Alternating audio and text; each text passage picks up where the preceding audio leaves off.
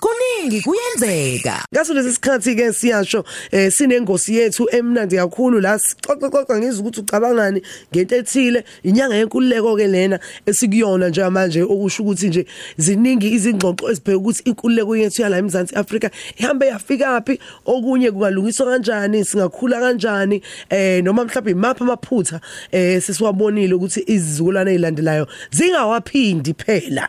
Kubonakala ukuthi hayi siyisizwe siyakhula uba khona umehluko unyaka nonyaka. Namhlanje kuseni sithi #kuningi kuyenzeka njengoba kuyinyanga yenkululeko nje siyazi baningi holiday ngolesithathu 27 April um kodwa ikakhulukazi umyalezo wona uyawuphila na? Ikakhulukazi mesibuka lapha yana kwezenkolo eh uma umuntu nje uyikhethile inkosi kodwa ukhule kakhulu ngewenza izinto zesintu ekhaya omunye uyayikhetha inkosi ivela lahle konke eh bese egijimisa ukuthi hayi ke manje ngoba sengikhetha inkosi noma sengikhonza ibandla lethile akusakwenza ukuthi nokuthi nokuthi. Eh uthola ukuthi khona manje abazomjaja ngalokho noma mhlambe eh abazomgxeka lo omunye osaqhubeka nenkolo yakhe nokuthi yena umAfrika wakhula kanje kwakubasebenzela okhokho okhokho umkhulu kanjalo nanjalo ekhaya. Eh akasibona isidingo sokuthi ashiye konke kodwa uyakwazi ukuthi yebo uyayivuma inkosi aphinde futhi abe umuntu eh ozithobayo kwezesintu angaphakami uma kwenziwa izinto ekhaya aphinde ukuthi futhi naye akhole ukuthi fanele abe umuntu oxhumene nemvelaphi yakhe. Ukubone yini lokho wena kwenzeka emphakathini? Eh ukuthi wena ngenxa ukuthi usukhetha inkosi abantu sebeyacwasa noma sebekubukela phansi eh ngoba usaqhubeka nezinto zakini ukuthi zilunge zibe zinhle umsamo eh imicimbi yabantwana ukukhuliswa abantwana imicimbi ngisho yazi yabona nje yabona ke lena nje ngiyuzile umadlali iyangixaka udu. Ngoba amakholo wafica hey hey isintu isintu isintu. Kodwa bese kushadwa amalobolo kathelwa inyongo eh bayifuna yonke leyo nto enenkece. Phakathi. Angachazela nje. Bese kuthiwa sekwenziwa okunye futhi okwesintu ke manje hayi siyakhetha lokho asikwenzi. Eh saloko nje sikubeka eceleni lokho sikubukela phansi lokho siyaxwasa so kahle kahle simi kuphi nendawo mayelana naleyo nkululeko ukuthi uvumele umunye umuntu ukuthi enze into yakhe. Sesikhulile yini ngengqondo? Sikwazi ukuthi eh samukele isimo sokuthi yebo umuntu ukhethe inkosi ukhethe ukuthi abe umKristu eh ngokuphelele. Kodwa futhi umuntu imvelaphi yakhe ayakayilahlanga yini umuntu simgxeka ngenxa yalokho? Uke wakubona kwenzeka na umbuzo wethu ekseni sinaso isihambeli sethu esizosichazela ukuthi lezi izindlela ezimbili khona la sihlangana khona eh kukhona ukuthula okutholakalayo ukuthi ke lenkululeko ehambisana nale enye ngokuthula emphakathini nasemndenini.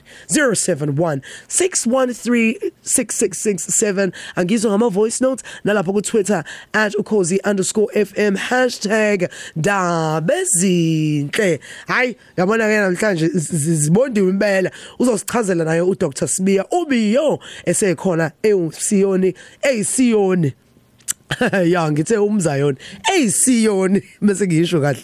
Um eyisiyoni esichazela ukuthi hayi madlala. Lokhu nalokhu nalokhu nalokhu ngiyafisa ukwazi ngoba yena unesipiliyoni usebenzile eh kakhulukazi ebandleni nakhona futhi kwezesintu. Ayi uvo lwakhe kuseni mlelo khoze yabona mase singena kule ngosi akuve. Ngisuke sengilangazelele ngizwe ukuthi yimina ngedwa yini oyibonayo lento noma nawe uyayibona yenzeka emphakathini. Mlaleli wokhozi FM namhlanje kuseni sikhuluma ngaso ke isihloko sethu sithi #kuningenzeka kakhulukazi mayelana nenkululeko yokuthi uqhubeka wenza amasiko akho eh asekhaya ngendlela okhuliswe ngayo noma usukhethe inkosi ngaphandle kokuthi abanye abantu bakucwase noma abanye abantu eh bakubukele phansi engathi hey wena usemuva ngokwempilo eh ngokuthi ukhumbule imfundiso yasekhaya ukhumbule bakini eh hayi ngoba bakhonza kodwa nje uqhubeke nalezo imfundiso zabo ezazibasebenzela zakukhulisa futhi. Ngaphambi kokuthi wena ubone ukuthi hayi ke uJehova uJesu Kristu inkosi nomsindisi njengoba nami ngiwuzile umadladla ngivuma impela kuyangiphilisa ngakhula kanjalo esheshi kodwa futhi kwaba khona imfundiso ukuthi hayi sodladla somhlophe sonyazitha eh umntu ongasombi sika nasehlobo khulekela magwala eh senza kanje kanje kanje uma izimo zempilo zinje kanje asikhohle ukuthi sobani. Mlalelo khoza ngizwe ngawe ke okwami kuncane kodwa ushiwo wena hayi kukhulu impela zizwele yebo yebo eh madladla yebo mama kandabi ngiyachazela nje Eh ukhuluma novusi wamkhwanazi lapha endaweni yasemondlo emvunyane lapha esimashwini. Eh madladla eh kulesihloko sakho lesi esiyinkinga ngoba cause kunabantu abayitshena ukuthi bona basindisiwe akusindiswa asinankinga nakho. Kodwa manje kuyinkinga ukuthi ulahla amasiko ngenxa yokuthi usindisiwe awusayihla awusayishisa impepho awusahlabe awusahlabi imbuzi awusathelwa nangenyongo mhlawumbe makushoniwe eh wena awusakwa awusagezi awusagezi wathi thina sazi makushona umuntu wakini kumele ugezwe lapha ngenyongo kuba nosuku lokugezwa ukuthi kuyagezwa. Ubona bayenzi lento leyo. Izinto nje ubonayo ukuthi babangela amabhadi ubabona abanye sebengathi basindisiwe usubona ngathi abasaphili nasemakhanda. Sekhona abantu abasindisiwe ubonayo ukuthi umuntu naye akasaphili akasaphili kahle ekhanda. Ngenxa yokuthi uzotshela ukuthi mhlawumbe ibhayibheli ulifunda kakhulu uyambona ukuthi umqondo awusekho usegxile kakhulu ebhayibhelini ukuhambisana lokuhamba kwengqondo. Ngoba cause kunezinto angazenzi kumele angabe yazenza zesizulu uyabona amadlala so lento leni wrong yabo ngoba sinamadlozi ethu. Ma ngumkhwanazi uba ngumkhwanazi nje ngibiza umkhwanazi ngugandela ngikwalo inkosi mangibabiza abantu basekhaya abangasekho asebahambayo. So kumele sibahloniphe ngiyabonga. Uvusi lo wamkhwanazi emvunyane esimashwini yako madlala kuhleli nawe. Hashtag ndaba ezinhle ukhuluma nondumiso kamthembu uphongolo. Um sibonga kakhulu isihloko makandabe sibonga kakhulu. Nayo leyo voice sibonga kakhulu. Isihloko nje nisipha zona. Um eh ngisisho nje nokuthi ihloko enisipha zona. Zibalekile kakhulu. Thina njengabantu abablind noma abantu abangaboni iradio iphinde ibe yi-TV ibe iradio ibe amaphepha ibe yonke into. Sidepende kuyona kakhulu. So umsebenzi enwenzayo umsazi umkhozi ubaluleke kakhulu. Ngoba uyo yonke into yokuthina eh kuthina abantu abablind angene nje esihlokweni nje ngafishane eh ngizothi mina lamakholwa agxeka abanye abantu awalifunde iBhayibheli. Awalifunde iBhayibheli kahle. Eh futhi ke engakhethwa nama Old Testament nama nama New Testament angahlukaniswa. iBhayibheli iBhayibheli lonke lapha efungelelwa uNkulunkulu eh lonke iBhayibheli. So ngoba kwalona iBhayibheli li refera uma unothisa kahle kubhalwa li refera noma li ngizothi liyagxila ekutheni lisitshele ngezinto ezazenziwa ngo-Isaiah ngezinto ezazenziwa ngo-Abraham ngezinto ezazenziwa nabanye oJeremiah. Basitshele ngazo. So basitshele ngazo. So ukuthola ukuthi siyafundiswa ngakho kuhle.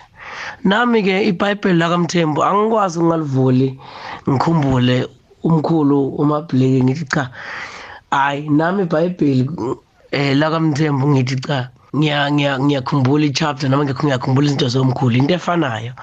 Ngoba naye waye ngumuntu ophilayo wadlula. Edlule kodwa enze ini umlando. Because iBhayibheli phela hey umlando. So nalento oyishile balekile uma ngabe abantu abanjalo begxeka em uma ngabe lawo makhola egxeka kusho ukuthi amalobolo awayeko bakwethu. Ngoba amalobolo into ehlanganisa amadlozi into ehlanganisa idalwa zemizi zemizi ehlukene eh zemizi ehlukene eh so uyathola ukuthi aka practice noma akazenzi lezi zinto lezi um uyaxeka nje yena zesintu. Kodwa amalobolo abakhona abike kwenziwe ukubika abike ukuthi hayi abakwamthembu ke bayeza bazolobola eh kwaDlamini. Abike uDlamini ngiyabekisa akazwani nalezi zinto kodwa makuze umthembu ezolobola uyabika uyakhumbula ukuthi bakhona. So cha kungadlalwa ngathi eh kakhulu. Ngiyangisho nje kabi kodwa nje asifundeni ukunderstandana amasiko kakhulu abalekile kakhulu. Imsamo wakho umsamo wakho kufanele uhloniphe kakhulu ufanele uhloniphe kakhulu. Kodwa nje kuningi esingaxoxa sikudlale sikhothe amabhayibheli siwabuyise sibuyise nazo zonke iy'ncwadi ey'khona. Kodwa eziyimilando esiphila ngayo kuningi kakhulu singaxoxa kodwa nje ngidedela abanye. Zero Ngiyachazela nje ngimoya kakhulu uPaula wakho umlaleli bokhozi hayi yajula indaba. Nolwazi lwakho lujule kakhulu ngendlela uPaula ngayo. Namhlanje kuseni sithi kuningi kuyenzeka. Sikhuluma ngenkululeko yokuthi ukhethe eh ngendlela okholwa ngayo. Uma ukholwa uJesu ukholwa uJesu. Kodwa kusho ukuthi ugxeke eh inkolo yomunye umuntu noma ukwenza kwakhe ukuthi aqhubeke nesintu noma naye nikhonza naye enkonzweni. Eh kodwa manje ngoba na kusiyangimeme ezintweni mhlawumbe zasekhaya noma eh nisemndenini oyodwa?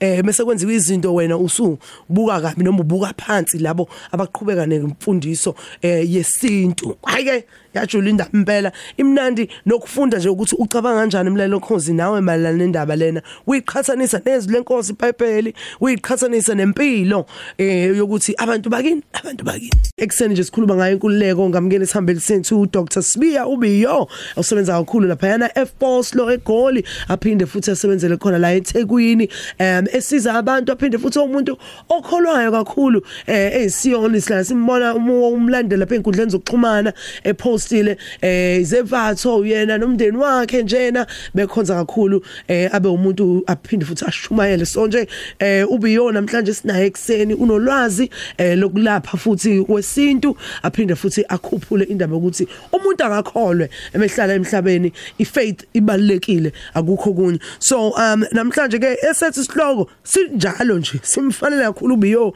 ngoba uyalazi udaba langala nodaba futhi langapha. Susizwile ke mbiyo eh ukuphawula kumlalelo lokhozi ekseni njoba kade unathi studio seloku eh kushaye lona ihora lokuqala singena kuyo lengosi le yokuthi ngempela ngempela indaba yokuthi omunye eh acindezela inkululeko yomunye ukuthi abe yilento athanda ukuthi abe yiyona noma ayikholele ukuthi iyona emphilisayo. Yebo uJesu ngiyamamkela eh nebandla engikhonza kulo ngiyalamkela ngiyalithanda eh okwasekhaya kodwa ngikufundisiwe noma la engishadele khona njengalami nje ngumuntu wesifazane ngelinye ilanga khona la kofanele ngihloniphe khona bengibafica benza isintu. Ngeke ngisho ukuthi hey ngoba mina ngiwasesheshi manje na eh uyayibona leyo nto? Yes. Abantu basuke bevumelene nawe badedela abantu bayiphile lento eh, abakhetha ukuthi bayiphile ngaphandle kubacindezela ngobaxwasa kusuke kwenze njani ngempela lengxabano esibona yenzeke emphakathini? Kabeteni ngiyabingelela mfowethu kuwena ko producer bonke. Eh ngibingelela ikhondla khondla sokhoze FM abalaleli South Africa yonke ke ngisabala. Eh ngiyabulisa kakhulu. This is Dr Sibiya. Omele phendabuka phinde futhi abe umfundisi ebandleni lesithelo sika Jehova eliphethe babo Bimzozo eh ufika nje lento ukuthi kimi eh ikhonkwane zashiwo babamkhulu size singayikhohlwa ngamanye amagama. Into esavela thina enziwa okhokho bethu eh size singayikhohlwa o amasiko esavela enziwa abantu bakithi abangasekhona size singawakhohlwa because asazi into yabathatha ekudalela kwabo ebushenini babo yaza wabeka bamakhehle. Sike sithi isiZulu kubukwa kwabaphambili kunamanga amadlala kuye kuthiwa sibuka kwabanjani? Kwabaphambili. So besibuka abomkhulu benza imisebenzi besicelela imisebenzi sebancane besicelela ukuphasa siphasa ezikoleni besicelele imendo beshado sisibethu sibuze ukuthi kwenzekala la lento yenzeka kanjani? Uyayi understand alone so empini e between ama African eh abantu abakholwayo nabantu abathi basindisiwe. One kukhona umuntu ozongena ekusindisweni because of inyanga yadlala ngaye. Understand amadlala Yeah. yena nefamily yakhe wayeyazi lento ukuthi vele iyasiza ukuthi la ekhaya mankana umuntu oshawe stroke uzohamba yolash ola ekhaya bekuthiwa kulungisa umsamo bakhona abantu abayenza. Uyakhumbula omkhulu babe baletha abantu bezolungisa ikhaya emva lokho ikhaya liba right.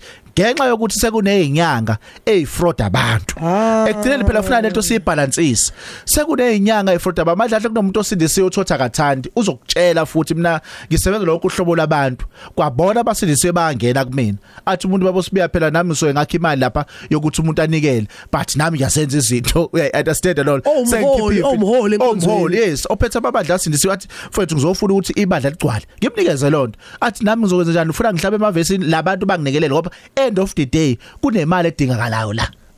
We understand alone so lo munye ke osindisiwe uzogxeka ongasindisiwe adlalela ningasindisi ningasini ningahlabi nina this and that that. Ekugcineni khumbula kufuna kunikele namhlanje. Kuzoshiwa imali wenzela ukubamba labo ukuthi bangayiphela enyangeni bayokwenzani bayoshiya imali uyayi understand Nkosi so yami. kahle kahle i- i- iqala la emaleni ukuthi sivele sigcine sesibange imali okay Um- umqondo ukuthi uca- uqala kuphi nendawo omunye azibone engcono noma acindezele Yes. omunye oqhubeka nesiko akhule nalo libonile lisebenza ekhaya a- a- a- ajike ke lo athi babo sibuya mina into edala ukuthi ngiyosindiswa vele ubaba wami bezenza izinto. Ngaya einyangeni sengahluleka kuthiwa mina eh, into yami eminyama edlozi lami leminyama o kunamanzi amnyama sabathenga walungisa kwenzeka kakhulu. Izinto la ngavele nga decide ukuthi azokuthini angivele nginamathe kusindisweni cause ngile lapha ngithi ngiyosizwa ngaya lapha ukuthi ngiyosizwa ngahluleka. I understand that. Umuntu akhohlwa ukuthi even naye inyanga uthola ayihlulekanga it's just that inkinga zakubo. Ngeke phela akune magic lo uthi uzolapha into yakho mhlawumbe yamanzi amnyama kini e- e- e- eyayihlula okhokho baze bashona bese uyitshela lot izolapha namhlanje ngakusasa izobe isi right Kuyi- kuyindlela ende kuyiba kuyi process ende so ngizothi kubantu musana ukukwebhana wana sikhumbuleni ukuthi konke kwav uthi umhlabeleli konke kwavela ngayo kunjani okudaliwe. Ihlahla trees ukuze zibe khona uyo nguye owayidala wena himself owa- wena wabunjwa. Mawulalela kahle iBhayibheli lithi wabunjwa. So uNkulunkulu sonke singabanga uNkulunkulu khona incwadi la ethi Hey, khona Nkosi yami. khona incwadi ethi la khona ma- ma- masi- masingaxabani. And the same time asibakhumbule abanjani abangasekho emhlabeni but singabakhonzi. Umkhumbula kanjani umuntu ongasekho emhlabeni? Angithi ukushisa impepho. Siyakhumbula amaJuda. Bakuthi bekwenziwa izinto kwezokuthiwa kwenye incwadi eBhayibhelini impepho kuJesu biyiphunge limnandi. Ngamanye amagama impepho bivele naseBhayibhelini qualified ukuthi ngalesikhathi uyishisa eh iyakwazi ukuxhumanisa nomuntu onjani ongasekhona emhlabeni. Uyazi biyo laphayana einkonzweni Yes. zethu oluthela amaRoma, nomasheshi eh, eh, ngokunjalo indaba yokuthi ku- ku- kuphulwe into okunuka kamnandi enkosini ngalesikhathi kukhonzwa eh isimo sok- sokukhumbula noma sok- sokukhonza uJehova eh ne- ne- neimfundiso nje esi- esibonile ezweni lenkosi. Nakhona lokukhumbula abantu abangasekho zikhona izinsuku la kuthiwa ke namhlanje sikhumbula bonke asebedlule emhlabeni ekade sikhonza nabo eh, abalala, kube nekhona imisa noma into Oh. kanjalo kanjalo. So kuba khona impela uyabona ukuthi ngempela eh kukhona la uJehova umdali wezinto zonke njengobusho eh abeke khona ukuthi kwabasebenzele kwasemandulo noma babese Africa noma bebese noma bebekholwa kuJesu kodwa kukhona lokhu uNkulunkulu uma umuntu osebenzisa ukukholwa kwenhliziyo okweqiniso Yabona ke ngiyathanda lapho. uyakwamukela uNkulunkulu Ngiyathanda ukuba nathi eZion lonto siyayenza. Bengazi semaromeni izinto ezikanjalo buyezenze. Athi uyabona ukuthi kahle kahle leti abantu abangasekho ayixabani thina nathi. uyayi understand? Okumele sikwazi ukuyeza because kunomuntu ozolahla amasiko kanti kobaba bakhe babezenza izinto. Uthothe emshadweni akakhululekile ekusindisweni akukhona. Thothe ushaka ukuthi akakhululekile noma imali akayitholi noma umshado kuyabheda indoda yakhe yamchithela yona lesindisiwe la ayifake khona. Nini na? Ulahla izinto. Phela bafethu bekuthiwa asiwayeka amasiko eh asingenzi lutho. Namalobolo kawavalwe akube vele akuvele kwenziwe njengabelungu kuthiwa kuyashadwana kuyahlalwa. Waye kuzomukelwa amalobolo athi umuntu yes kusindiswe la ukuthi amalobolo awezi ngeke ishiswe impepho. No sekukhona ukurobhana waye bekuzoza into enemali. Bese kuba khona into ezoba against enye. So mina ngizothi kubantu a- a- musana ukuxabana sizwe sakithi. Yeah. wonke umuntu udalelwe ukuthi akhonze la athanda khona. But sikhumbule ukuthi Sunday yadalelwe ukuthi mina nawe madladla sambe siyothulula izinkinga ezinjani esibhekene nazo ekhaya. Siyodumisa so praise uNkulunkulu. Phela iSunday yokupraise eyokudumisa uNkulunkulu kubonga ukuthi God Nkosi ungisize la njengamanje ngila uyayi understand noma lo kuyisabatho osabathayo kanjalo. noma kuyisabatho sabathayo isikhathi sokuthi ayodumisa uNkulunkulu wakhe. Abe nenkululeko umuntu Abe nenkululeko, abe ne-freedom. Kakhulu kakhulu. Akuve kubalekile yazi biyo ngifunda okukhulu. Nanokuthi nje indaba inenhlonipho futhi. Sabantu sikhule sihlonipha. Manje angisazi lokuqwebhana lokusihlangabezana nakho eh kuzo lezi insuku zokuthi abantu bacwaseke ngenxa yokuthi bayakholwa ngalana baphinde futhi babheke nezinto zasekhaya. Eh umuntu wafundisa ukuthi hlonipha eh omunye umuntu nj- njengaloku hlonipha la ekhaya. Kakhulukazi uma umuntu esifazane uhloniphe nalawo oshadela khona ngoba ngelinye ilanga engeke uzwazi ukuthi uzosifica ku- ku- kwesiphi isimo. Uyofica kunjani? Ingakho ke ubeze sebethi bona abazalwana ngathi ba- abasindisiwe ubeze sebethi ku- bese bebeyala umuntu oshada la bebona khona ukuthi mhlawumbe uyoshada eManazareth la kwenziwa khona izulu. Bathi bamjikisa umqondizwa bethini? La yoshada khona uyokwenza into yakhona nje kuthiwa gitshela imfene. Yogibela imfene yakhona. Why manje kuthiwa akagibela inkomo why ngashutha akawushumela ivangeni lapha? Angithi uyabona manje kugcineni bayabona ukuthi oh lo mzala vese yamluza. Ngesamthola bese bemnika ama advice okugcina ukuthi hayi sithi shiya la hambe okwenza into ngoba manje wena usunyamane nalapha kwasibiya o nalapha eh, kwadladla la usuyokwenza khona amasiko lakhona into abayenzayo ungabi against nayo baje phela bakududuze kanjalo Yey. so engizama ukusho ukuthi a- akungaxatshwana yonke Yeah. into yafika nko- ngoNkulunkulu ingakho ke thina inyanga ezikholwayo sisimadladla ngokusho lokho Yebo. uma sizolapha umuntu siqale sithandaza you know why because siyazi ukuthi konke kwavela ngaye Kuqala ngaye. kuqala ngayo so Alpha no Omega. angikwazi uku- angikwazi ukubamba izihlahla kuzola ekuzolapha umuntu ophethwe stroke ingathandazanga that's why ibona abathanda njengoba sabathandaza siqale sikhuleke uNkulunkulu asideliver inkinga oze ngayo. Nkosi yami. Hayi akuwona umlingo. Uyazi ukuthini? Noma umlingo abanye bekhona bewusebenzisa Nkosi yami akusho ukuthi eh lahla konke ungagive up ngelinye ilanga ngase ungathola umuntu la usizakala khona ukhuleka khona. Into ehambisana nokholo lwakho. Eh nokuthi abanye bafunde ukuhlonipha ukholo lwakho. Eh la usuke usukhethe khona oh dokotela biyo siyabonga kakhulu namhlanje kuseni eh ususiphe nje lolu lwazi nokuvuleka amehlo ngendlela ehlukahlukene nalo mhlawumbe kade eh efihla. Uyayibona leyo nto? Omunye uthola ukuthi uyafihla manje. Eh uma esenkonzweni manje usefihla isiphandla Kwasaba. Ah, eh kanti nje khuleka konke kungaJehova emhlabeni. Yinde le ndlela esihambayo kuningi esikufundayo. Kufanele ukuthi sizithobe asikwazi konke. Eh impela dokotela biyo abantu bangakuthola phi? Ngiyazi ukuthi eh njengoba uyisikhonzi nje futhi uphinde ubasiza abantu ngezitho eziningi ezahlukahlukene. Mfowethu ngiyabasiza kakhulu abantu ngibonga ithuba ngiyabasiza kakhulu abantu.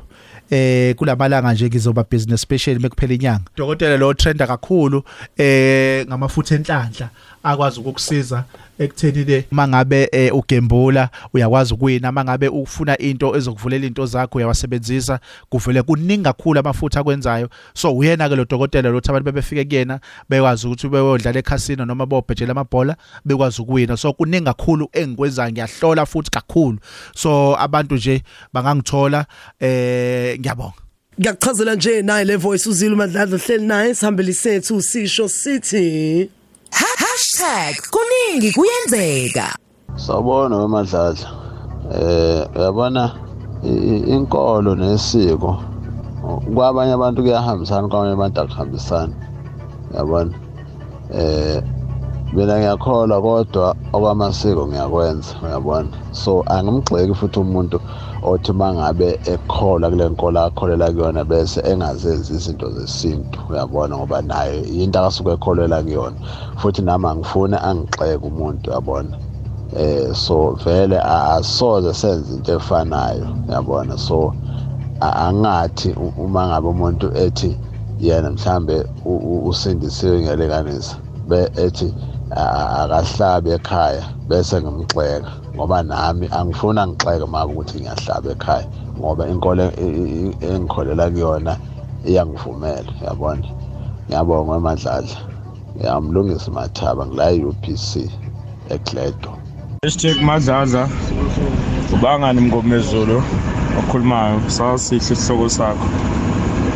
Ne elami lithi angithi mina ngisindisiwe ngikholela abantu abasebhayibhelini. Kanti abantu basebhayibhelini bakuphi? Ngoba akekho noyedwa ophilayo nabantu abashona. Angikazi ukholela ku- ku- ku- ku- ku- kwabanye abantu ngekele bakithi. Nabo Jesu madlozi abantu abashona nabo asikwazi ukholela kuJesu sikholele sikhohlwe abantu bakithi. Nabo bonke labantu abakasebhayibhelini bashona labo bantu akekho noyedwa ophilayo amadlozi afana nalabo bakithi. Ngiyakuchazela nje mlaleli wokhozi FM udokotela biyo hayibo sibhambo phambi uthi ahambe nje asiphe eh, inombolo yakhe la etholakala khona eh nasenkundleni zokuxhumana. Sibuya kakhulu ingxoxo yethu namhlanje sithemba ukuthi nje kuningi sikufundile nama voice notes akho umlaleli nami angivula umqondo eh ayangikhulisa ngendlela ehlukahlukene sisi ngiyabonga kakhulu. TikTok ngikhona Dr. Sibiya Biyo.